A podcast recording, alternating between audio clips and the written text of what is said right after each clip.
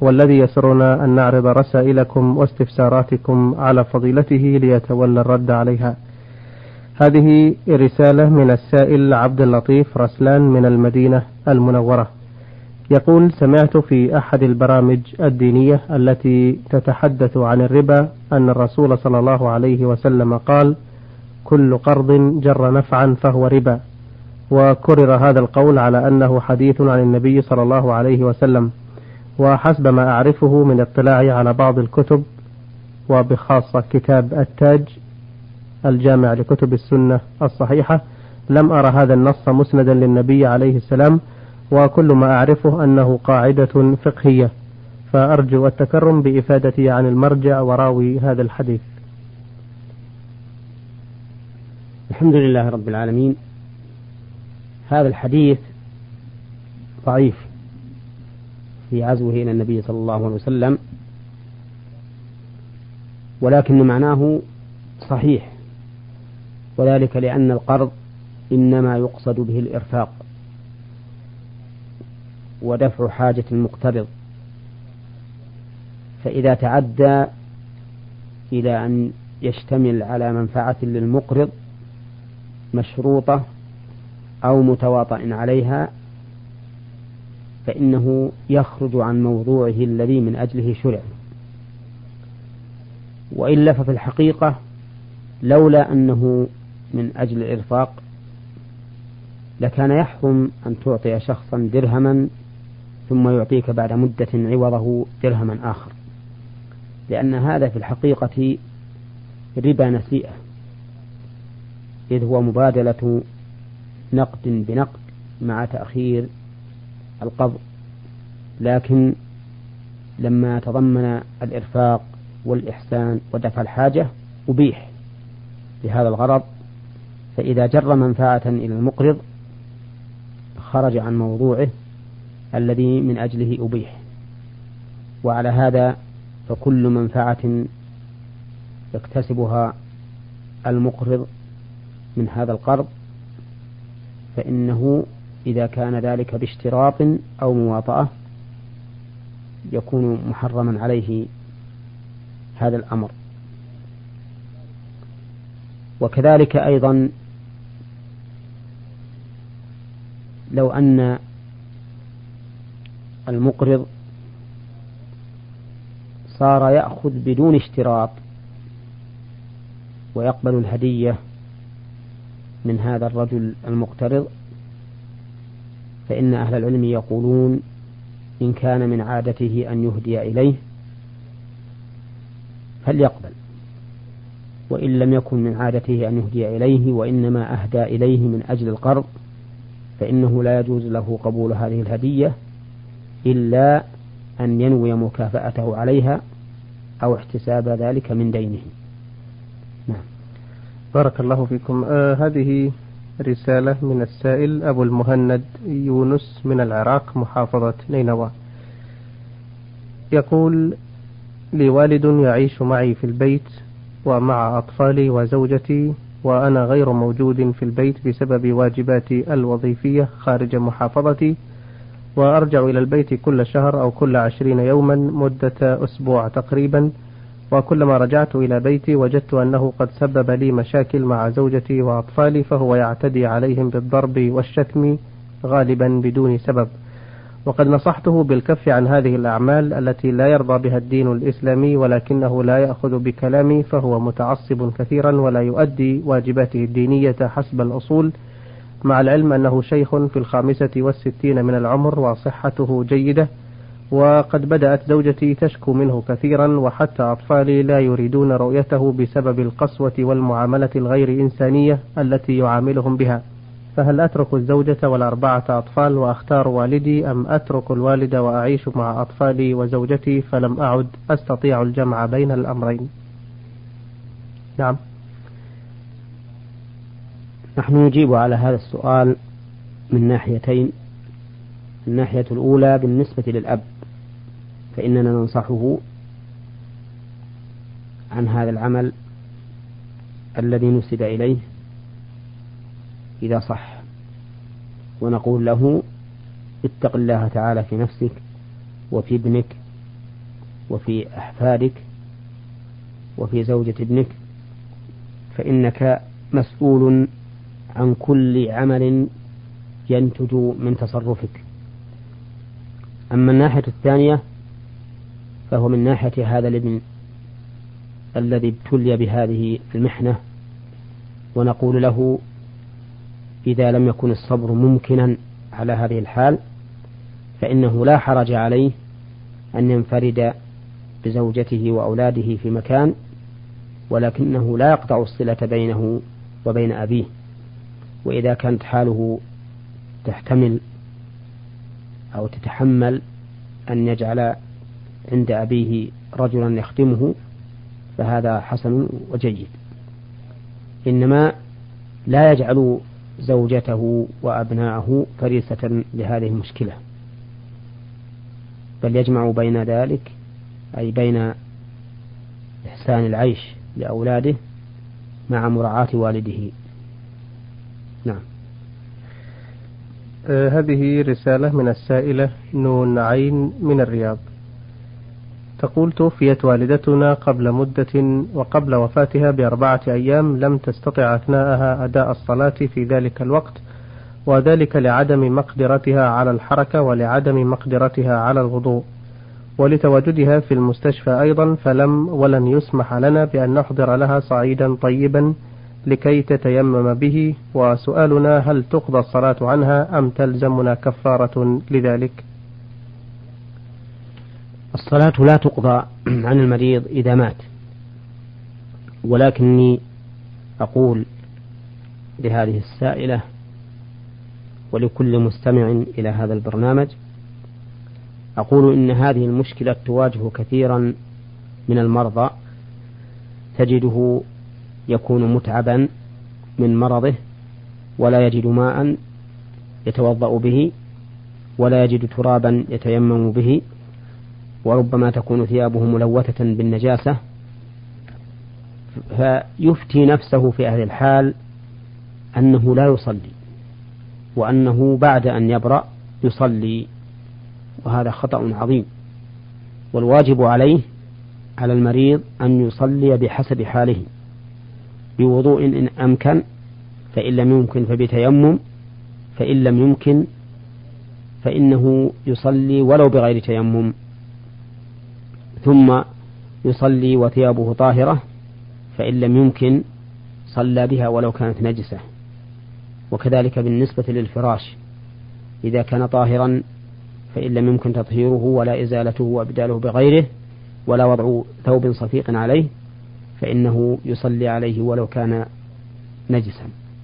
وكذلك بالنسبة لاستقبال القبلة يصلي مستقبل القبلة فإن لم يستطع صلى بحسب حاله.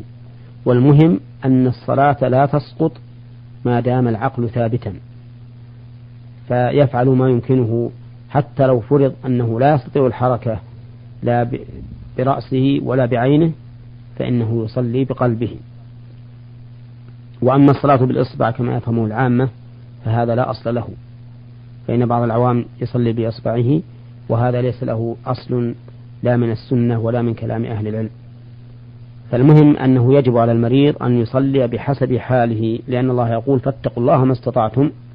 وقال النبي صلى الله عليه وسلم إذا أمرتكم بأمر فأتوا منه ما استطعتم. نعم.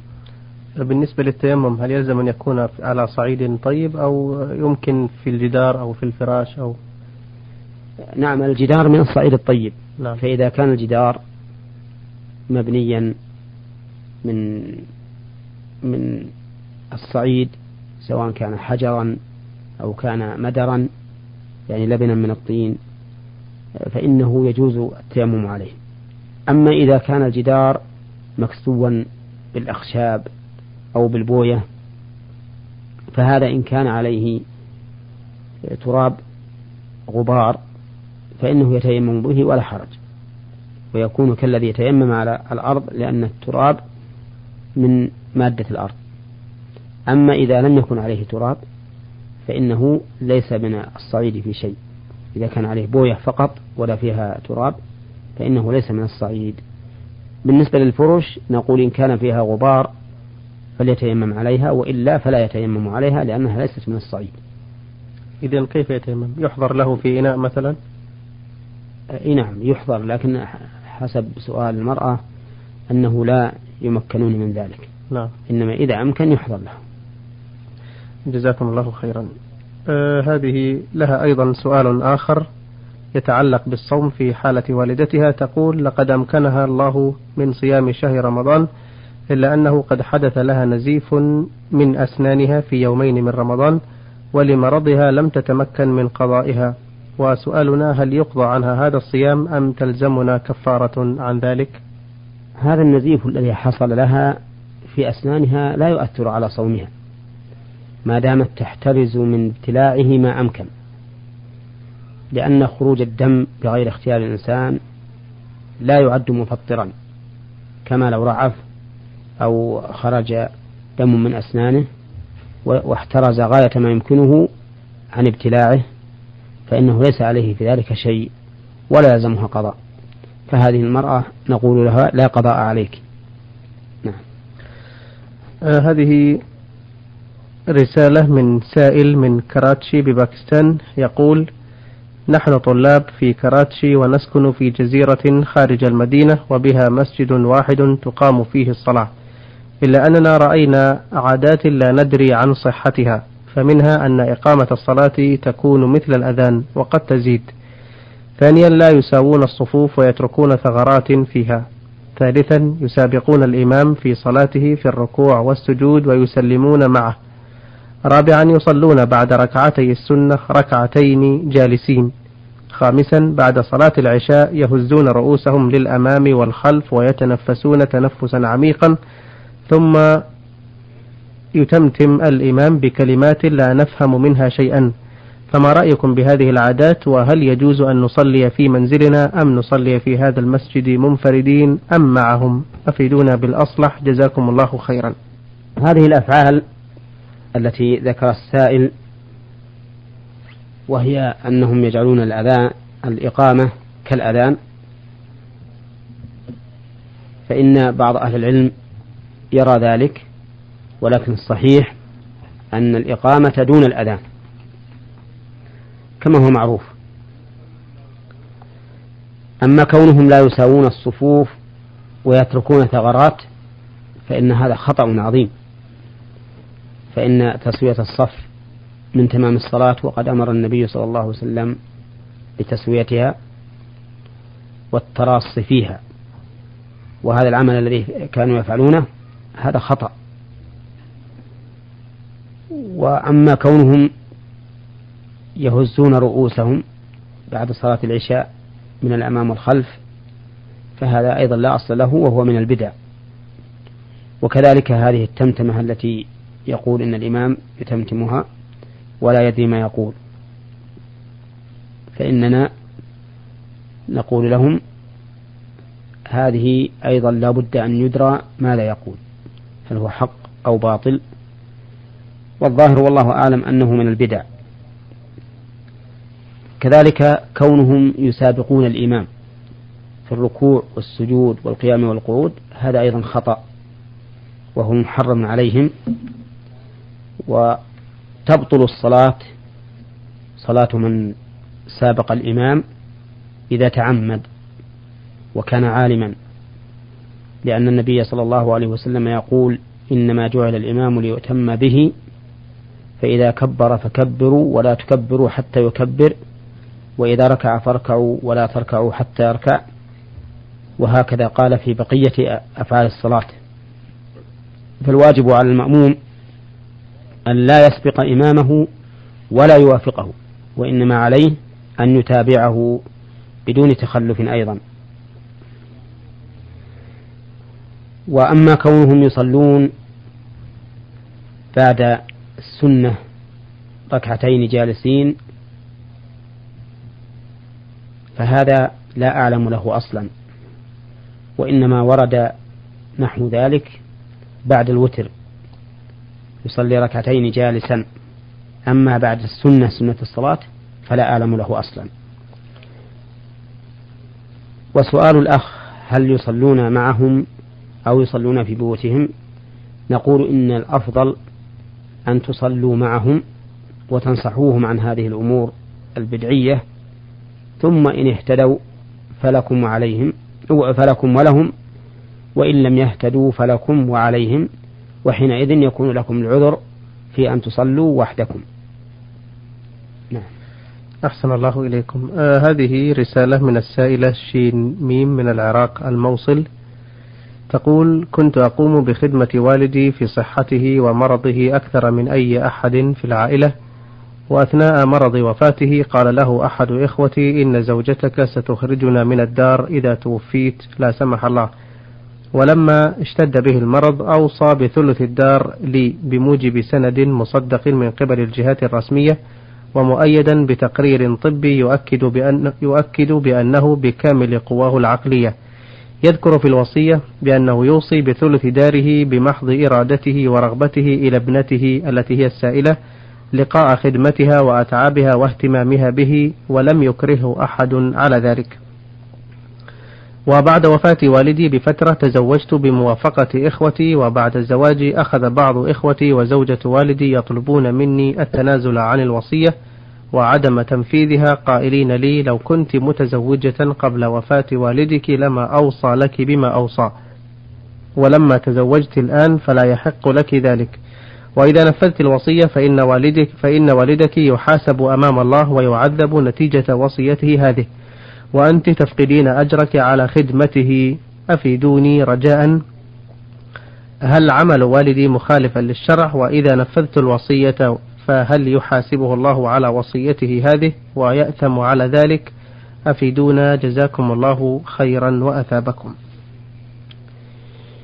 وصية الرجل لأحد من الورثة محرمة لأن الله سبحانه وتعالى فرض المواريث وبينها وقال فريضة من الله في ميراث الأصول والفروع وقال في ميراث الأزواج والإخوة من الأم تلك حدود الله ومن يطع الله ورسوله يدخله جنات تجري من تحتها الأنهار خالدين فيها وذلك الفوز العظيم. ومن يعص الله ورسوله ويتعدى حدوده ويتعدى حدوده يدخله نارا خالدا فيها وله عذاب مهين. وقال في إرث الإخوة والأخوات في آخر سورة النساء يبين الله لكم أن تضلوا والله بكل شيء عليم. وقال النبي صلى الله عليه وسلم إن الله أعطى كل ذي حق حقه فلا وصية لوارث.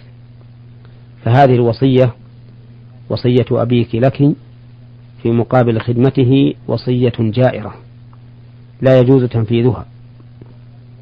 ولكن إذا كان الورثة قد وافقوا بعد موت والدك عليها فإنها تعتبر نافذة بسبب إجازتهم لها وحينئذ لا يحق لهم الرجوع بعد ذلك.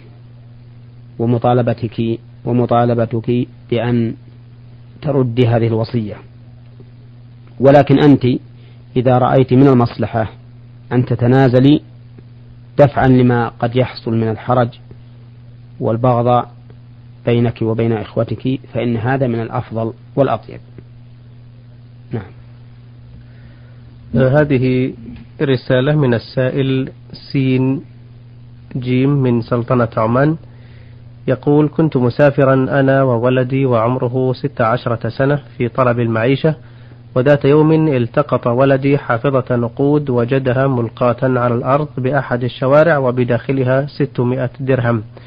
ولا نعرف صاحب هذه الحافظة وقد صرفناها في شؤوننا الخاصة لجهلي بحكم مثل هذا. فماذا نفعل الآن وماذا يترتب علينا؟ افعلوا الآن أن تتصدقوا بما يقابل هذه الدراهم بنية أنها لصاحبها تخلصا منها ولعل الله ولعل الله أن يعفو عنكم.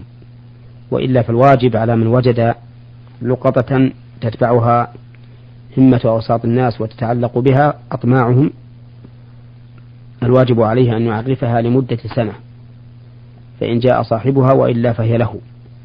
وأما كونه يصرفها في, أغراضه الخاصة بمجرد وجودها فإن هذا لا يجوز. فعليكم أن تتوبوا إلى الله سبحانه وتعالى وأن تتصدقوا وأن تتصدقوا بها لصاحبها. ونسأل الله لنا ولكم المغفرة. جزاكم الله خير الجزاء. أيها الإخوة الكرام عرضنا رسائلكم في حلقتنا اليوم على الشيخ محمد بن صالح العثيمين.